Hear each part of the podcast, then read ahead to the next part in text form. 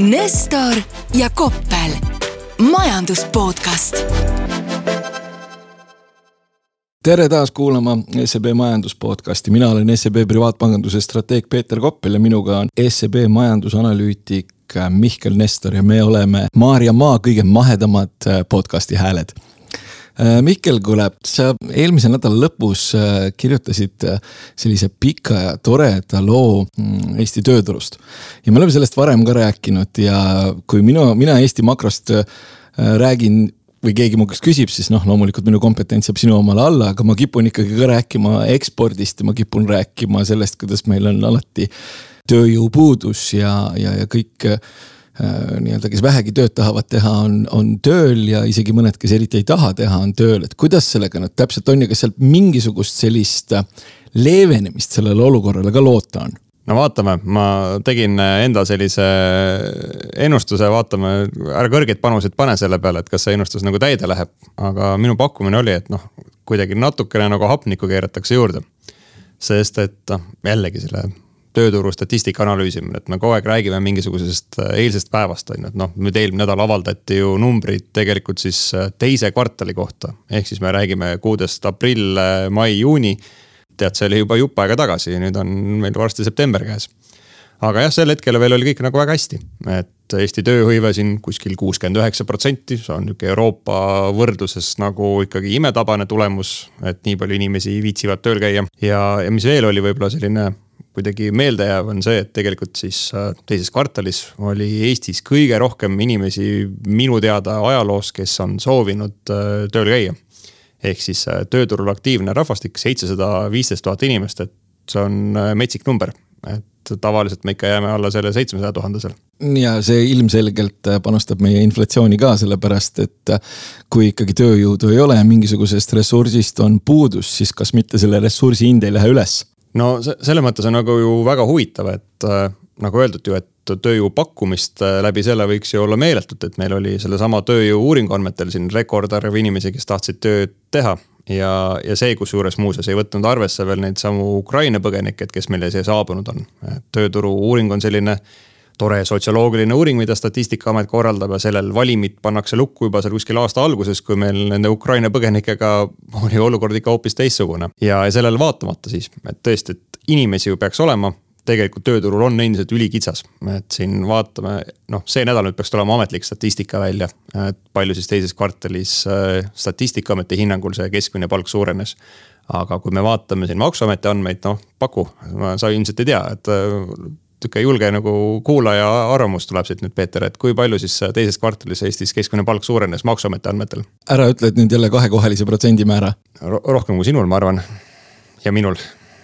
ei no selles mõttes, et jah, tõepoolest finantssektor selles suhtes äh, võib öelda, et ei ole palgaralliga kaasa läinud, aga ma pakun ikkagi jah, et, et see võis olla kahekohaline protsendimäär ja meie oleme ennast siin väga tagasi hoidnud võrreldes Eesti keskmisega, et äh, üle üheteist protsendi peaks siis tulema, no eks me näeme, mis see Statistikaamet seal äh, kokku arvutab, aga jah, maksuameti andmetel üksteist protsenti umbes, äh, natuke üle selle isegi teise kvartali palgakasv, et ei saa kurta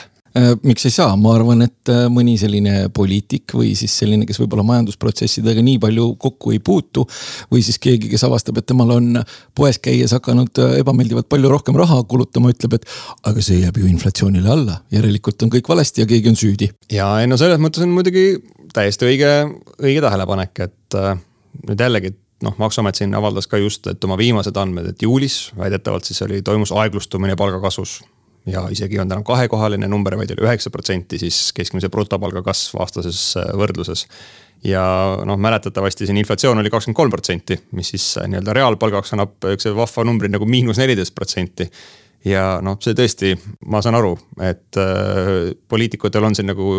mõtlemiskoht ja, ja ka koht ilmselt, kus nagu uusi valimislubadusi välja võluda. kas me nüüd oleme oma elustandardid kukkunud tagasi kuhugi väga kaugele, näiteks kahe tuhande üheksateistkümnendasse aastasse? Äh, ma ei jõudnud seda nagu võrdlust teha, ma arvan, et äh, päris tubli tagasiminek on siin olnud tõepoolest. ja kui siin on nagu küsitud, et mis siis on nagu see parim kaitse inflatsiooni vastu, siis tuleb tõdeda, et ega täna midagi paremat pole öelda, et kui, et madalamad ootused elule tõepoolest madalamad ootlused elule ilm, ilmselt kipuvad olema väga sageli igasuguse mm, õnnesaladus. Aga nüüd, kui võtta veidikene pikemat perspektiivi ja siis ei ole, ei jää midagi muud üle, sellist asja tuleb ikkagi küsida, et. aga mis me siis teeme, noh, ma saan aru, et võib-olla jah, majandus jahtub ja veidikene aeglustub ja meie eksporditurgudel on probleeme ja kõik, kõik, kõik. et ilmselt see pinge tööturul annab võib-olla lähiajal natukene järgi, aga see pinge ju iseenesest on struktuurne, et meil rahvastik vananeb, inimesi on vähe kuidas seda tööturu problemaatikat üldse lahendada, noh, ma saan aru, et sa oled otsast alustanud, et sul on kolm last, aga nende tööikka jõudmine võtab tükk aega aega ja äkki, äkki üks läheb raisku ja üks läheb välismaale ja siis üks siin. ühest on võib-olla natukene kasu siin tööturul, et kuidas seda probleemi tegelikult üldse saaks lahendada niimoodi, et äh, hundid söönud, lambad terved ja kõik oleks enam-vähem õnnelikud või kas me nüüd jäämegi sellisesse olukorda, et kus meil on selline väikene riik, kus äh,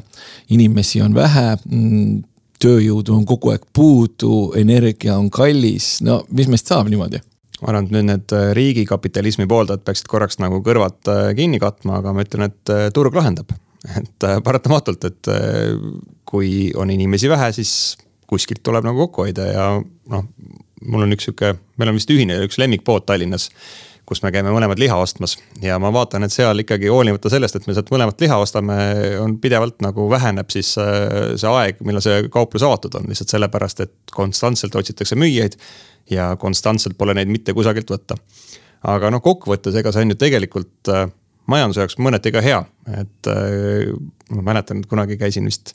viisteist aastat tagasi Hiinas ja seal restoranis käimine oli omaette elamus selle poole pealt, et noh, kui Eestis sul nagu piisas ühest kelnerist, et sul äh, see supp lauda tuua, siis seal oli neid tüki viis, et igaüks siis täitis oma väikest funktsiooni.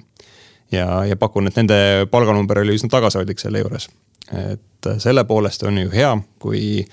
polegi inimesi võtta, see näitab seda, et noh, ega tegelikult ka see teenitav tulu võib-olla seal on väike, pakutav palk on väike. ehk siis äh, kui inimesi on puudu, kasvab tootlikkus, ühiskonnas äh, läheb elu õitsele, meist saab aina rikkam ja rikkam riik.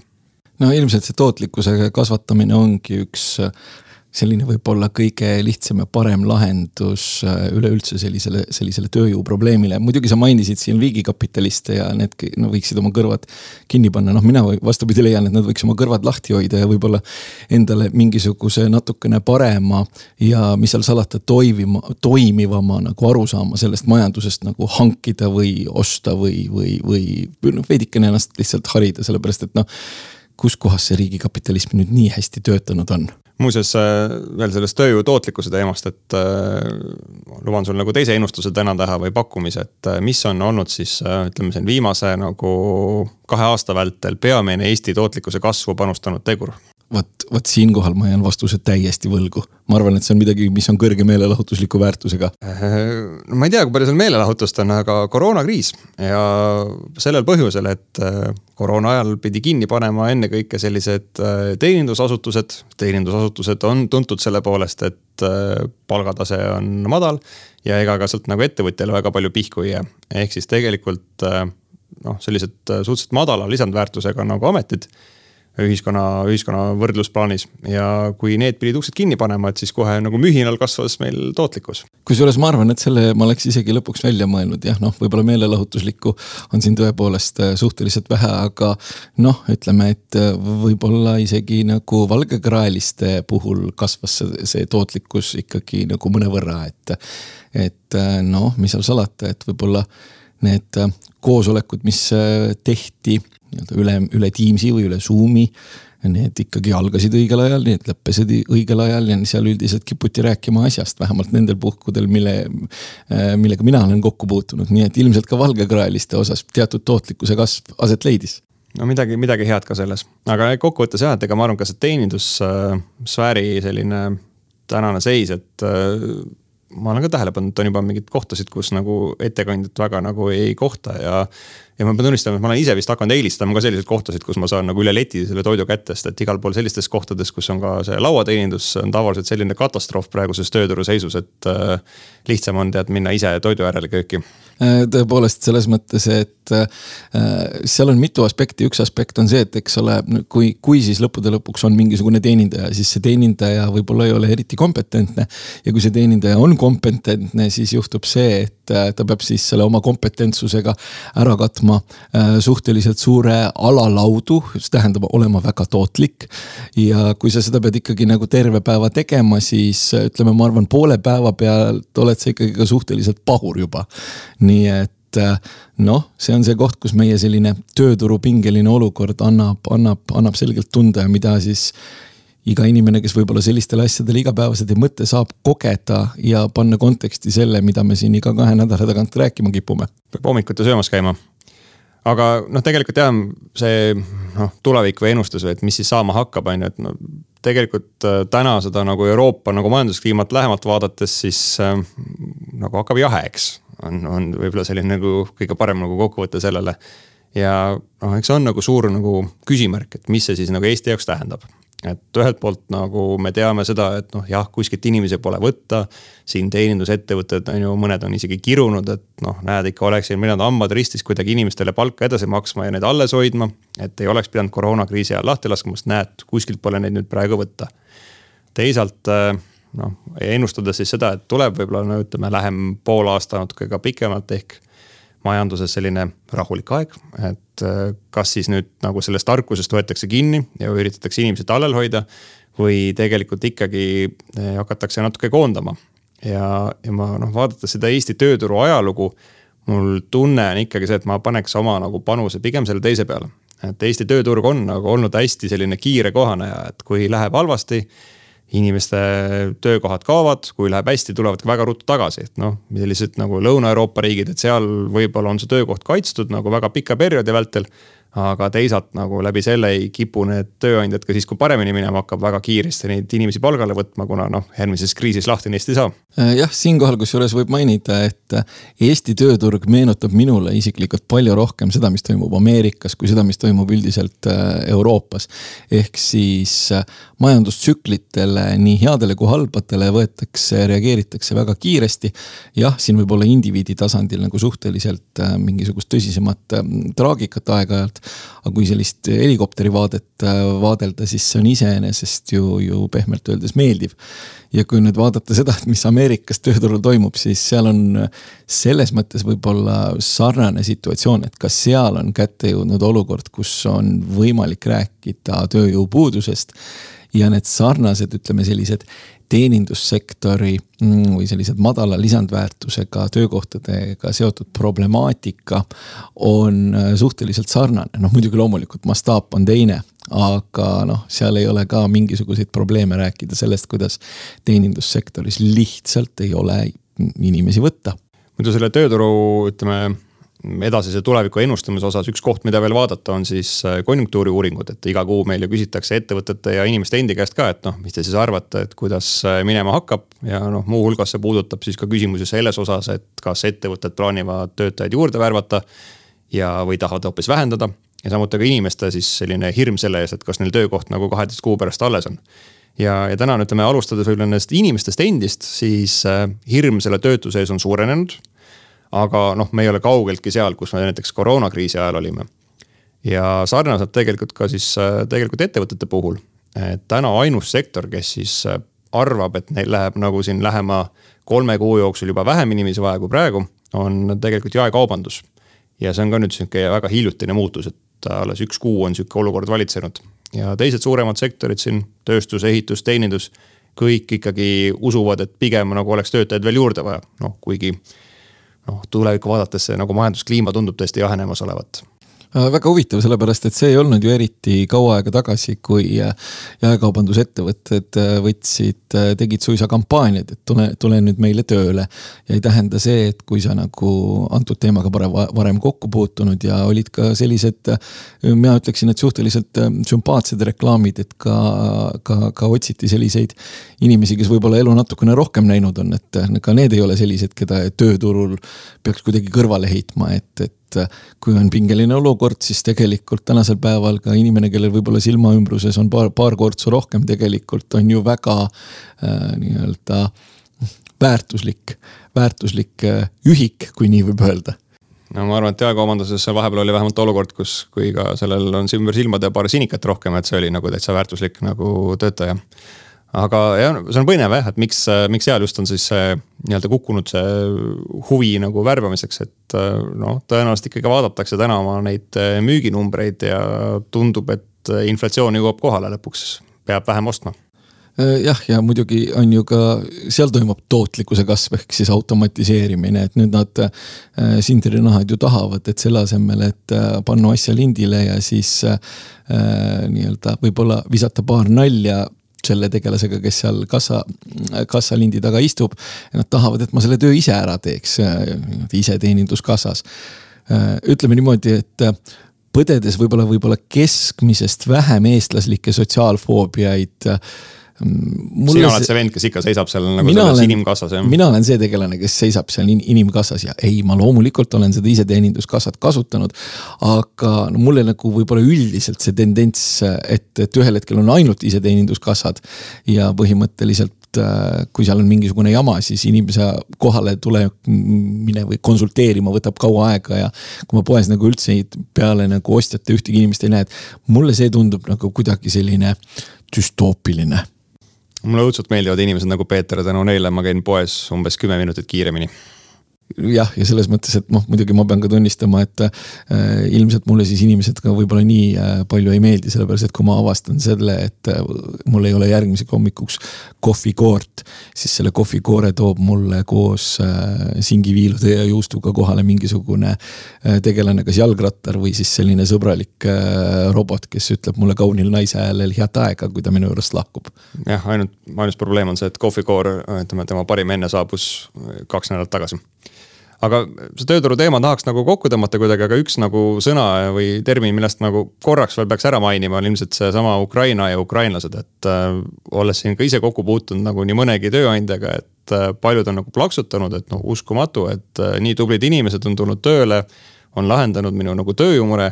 aga paljudel on ikkagi ka nagu hirm selles, et noh, kui palju ma julgen neid Ukrainast pärit inimesi palgata just sellepärast, et et äh, äkki läheb kõik õnneks ja juba järgmine aasta saavad nad koju naasta ja mis siis saab? on juba tegelikult kuulda olnud, et äh, on, on naastud koju ja on olnud ettevõtetel juba selliseid probleeme, kus on siis suhteliselt hea töötaja, kes on suutnud äh, klientidega päris hästi läbi saada, ongi ühel hetkel öelnud, et nii, et sellel, selles piirkonnas, kus mina elan, erilist ohtu ei ole või kui see oht on, oht on suhteliselt piiratud ja elu käib ja lähebki tagasi. jah, ma vaatasin viimast statistikat, et neid siin töötuna arvel on siin natuke üle viie tuhande ja peaks, tööl peaks olema natuke üle nelja tuhande. et noh, see numbrid võiksid olla veel paremad, on ju, aga ma arvan, et üle, kindlasti ütleme sõjapõg-, keskmise sõjapõgeniku kohta suurepärane kohanemine nagu oludega tööturul ja, ja selles mõttes, et loomulikult, loomulikult mitte, et nad meile ei meeldiks, aga lootus on ikkagi see, et olukord seal muutub dramaatiliselt paremaks ja kõik, kes vähegi tahavad minna tagasi, saavad tagasi koju minna. ma olen meelega venitanud seda Eesti tööturu teemat sellepärast, et mul on tõeline nagu hirm selle nagu järgmise teema kallale minemise ees. et äh, mida Peeter, sina arvasid, võiks täna puudutada, et Hiina majandus ja minu hirm on ennekõike rajatud sellele, et kui ma mõtlen nagu siin viimastel aastatel erinevatele majandusanalüütikutele, kes on saanud äh, kinga selle eest, mis nad on nagu öelnud siis see on olnud seotud kuidagi Hiina majandusega. et äh, nad on võib-olla ennast äh, liialt vabalt tundnud kuskil mikrofoni ees ja, ja see paneb mind natuke muretsema. ma ei tea, mind see nagu otseselt muretsema ei pane, et äh, ma küll mõtlen, et huvitav, mida nad on sellist võinud öelda, et mis on sundinud nende tööandjat, tööandjaid neisse võib-olla natukene halvasti suhtuma. no mitte, mitte midagi väga erilist minu kõrvade jaoks, aga no ühesõnaga, et kallid kuulajad, et juhul, kui see oli minu ja Peetri viimane podcast, et siis aitäh kuulamast ja teiega oli tore aga, aga võtame siis Hiina majanduse ette. Hiina majandusega on selline lugu, et äh, suslik kipub aeglustuma. ta kipub aeglustuma sellepärast, et äh, sealne kinnisvaraturg, mille puhul mina mäletan, et ma arvan, et kuskil iga kahe aasta tagant võtab, tekib äh, kuskilt üles keegi, kes tõstab, vehib kondise sõrmega ja ütleb, et Hiina kinnisvaraturuga on halvasti. siis noh, nüüd võib öelda, et võib-olla tõesti, et suure tõenäosusega Hiina kinnisvaraturuga on halvasti. ja siis on loomulikult noh, mis juhtub sellises riigikapitalismis. ehk siis sellises äh, või noh, mis see Hiina majandusmudel on, selline rediselik, et pealt punane, seest valge. et äh, sellises redise tüüpi majandusmudelis ikkagi riik kipub hakkama sekkuma ja nüüd nad loomulikult üritavad tekitada. Peeter, Peetri ametikoht just vabanes palun saatke omad CV-d, aga ja, palun jätka. ei no selles mõttes, et redis on iseenesest hea asi, krõmpsub ja saab kevadel valmis ja on hea leiva peale panna. aga noh seda tüüpi majandusmudelis ikkagi riik ühel hetkel ja kipub, kipub sekkuma ja nüüd riik siis üritab tekitada olukorda, kus siis oleks piisavalt nii-öelda likviidsust, et see kinnisvaraturu võib-olla langus ei oleks niivõrd äh, järsk ja niivõrd märkimisväärne. aga siin on ikkagi jõutud mingisugustele sellistele tasemetele, mis, mis on võib-olla problemaatilised. ja see problemaatika tuleneb näiteks sellest, et kui me võtame siis nii-öelda sellist üüritootluse või suht, suht, suhet üüridega, siis Hiina kinnisvaraturg, noh, ütleme, räägime sellistest eluasemetest, siis see on tõn-tõn-tõn-tõn-tõn-tõn maailma kõige kallim. ja kui see on maailma kõige kallim, siis mingi ütleme ja võib-olla see riigi arengutase võib-olla sellise SKT per capita puhul ei olegi võib-olla nii, nii hea siis see on selgelt problemaatiline ja see on koht, kus äh, ilmselt äh, me näeme selliseid liikumisi, mis ei pruugi olla, ei pruugi olla kõige meeldivamad. ja kui see, need liikumised ei ole kõige meeldivamad, siis loomulikult äh, tekitab see noh, probleeme, see tekitab probleeme üldisele majanduskasvule. ja üldiselt see üldine majanduskasv noh, viis protsenti on selline olnud, mille puhul öeldakse, et et äh, kui sellest minnakse allapoole, siis sellel on juba globaalsed mõjud. et kui me siin ajalugu vaatame, siis Hiinal on olnud ka selliseid kahekohalisi nagu majanduskasvu numbreid. ja need on olnud nagu väga toredad ja kõik on nende peale plaksutanud ja areng on olnud kiire. nüüd viimase kaheteist kuu libisev keskmine kipub olema selline alla viie ja kui see on alla viie, siis sellel võib olla juba, esiteks see võib viidata sellele, et sealne kasv on selgelt aeglustumas. teine asi, mis on äh, selge, on see, et äh, et, et sellel võib olla globaalne mõju. ja kolmas asi on ka see, et see tegelikult äh, mõjutab ka näiteks äh, ütleme selliste lühiajaliste, võib-olla lühiajalisema vaatega investorite ja, ja, ja siin, siinsete spekulantide arusaama maailmast võib-olla selle võrra, et noh, toormed on tegelikult viimase aastaga ju teinud päris hästi. et nad on tulnud päris kenasti alla, aga see on miski, mis mõjutab toormeturgusid ka, et kui Hiinas ikkagi äh, ehitus läheb alla, siis noh, arusaadavatel põhjustel ei ole vaja ei vaske enam nii palju maasse panna. ei ole vaja ei terast nii palju nii-öelda betooni sisse panna. ja see on selline noh ma ei ütle, et see tähendaks mingisugust äh, toorme nagu üldise sellise problemaatika ja, ja, ja pakkumispoole problemaatika lõppu, noh kindlasti mitte. aga see on oluline faktor, mis mõjutab äh, nii-öelda pilti sellise investor, kaldkriips, spekulandi jaoks tegelikult ka globaalselt aga ma just äh, nägingi kuskil pealkirja, et äh, see on suurepärane, et Hiina majanduse hoog on raugemas, sest et see on parim rohi globaalse inflatsiooni vastu. ja noh, oludes jah, et kuskil on silma jäänud, et vist Hiinas äh, globaalne, ütleme, terase tootmine, et sellest tarbimisest kaks kolmandikku pidi tarbima Hiina nagu ajalooliselt. ja noh, täna nagu, nagu sa ütled, on ju, et Hiina kinnisvaraturg on hooga maha võtnud ja kas sa näed, et terase hinnad on kohe tegelikult äh, tublisti kukkunud võrreldes oma tipuga äh,? täpselt nii ja tegelikult on kukkunud, ütleme kõik, mille peale saab mõelda, et seda kuskil Hiinas äh, vaja läheb ja just eriti ehituses. ja see on ka tekitanud sellise olukorra, mis on siis võib-olla inflatsiooni surv, survet äh, veidikene vähendanud ja ta on veidikene vähendanud seda küll, küll äh, nii-öelda suurtest maailma majanduspiirkondadest äh, noh, Ühendriikides et võib-olla need Ühendriikide mm, nii-öelda sügise inflatsiooninumbrid ei ole üldse enam nii hirmsad. ja kui need ei ole nii hirmsad, siis see tähendab seda, et intressimäärad võib-olla nii kiiresti ei tõuse. ja kui intressimäärad nii kiiresti ei tõuse, siis see tähendab seda, et aktsiatel üldiselt võiks olla tee valla Mm, võib-olla liikumaks natukene, natukene paremini, kui nad siin aasta esimesel poolel eh, liikusid, et noh, nüüd nad on küll päris palju taastunud. aga see on selline huvitav jah, situatsioon, et kui me näeme seda, et inflatsioonisurve annab järele Euroopas ilmselt muidugi inflatsioonisurve nagu järele ei anna, sellepärast et Euroopas teatavasti on, on energiakriis ja energiakriisiga on äh, sellised huvitavad lood, et. aga ega Hiinas pidi ikkagi energiatarbimine ka vähenenud olema, vaatasin, et noh, kümme protsenti vist olid mootorikütused kukkunud ja noh, gaasi nad ei ole nüüd nagu vähemalt LNG kujul vist üldse ostnud siin peaaegu viimastel kuudel, et äh, noh, samamoodi söe tarbimine, et no mida on hakatud ka siin isegi Euroopas nüüd ahju kühveldama, et kõik see nagu ikkagi võiks natuke meid aidata ju. see kõik võiks meid natuke aidata ja muidugi, aga veel üks asi, mis on Hiinas võib-olla natuke huvitavam, on see, et seal on ka elektritarbimine vähenenud ja elektritarbimine, elektritarbimise vähenemine on ühest küljest, eks ole, viitab sellele, et majanduskasv on aeglustunud ja võib-olla see temperatuur seal majanduse all ei ole eriti, eriti tugev, aga seal on sarnane probleem, et kui on, ütleme näiteks hüdroenergia, siis teatavasti meil on maailmas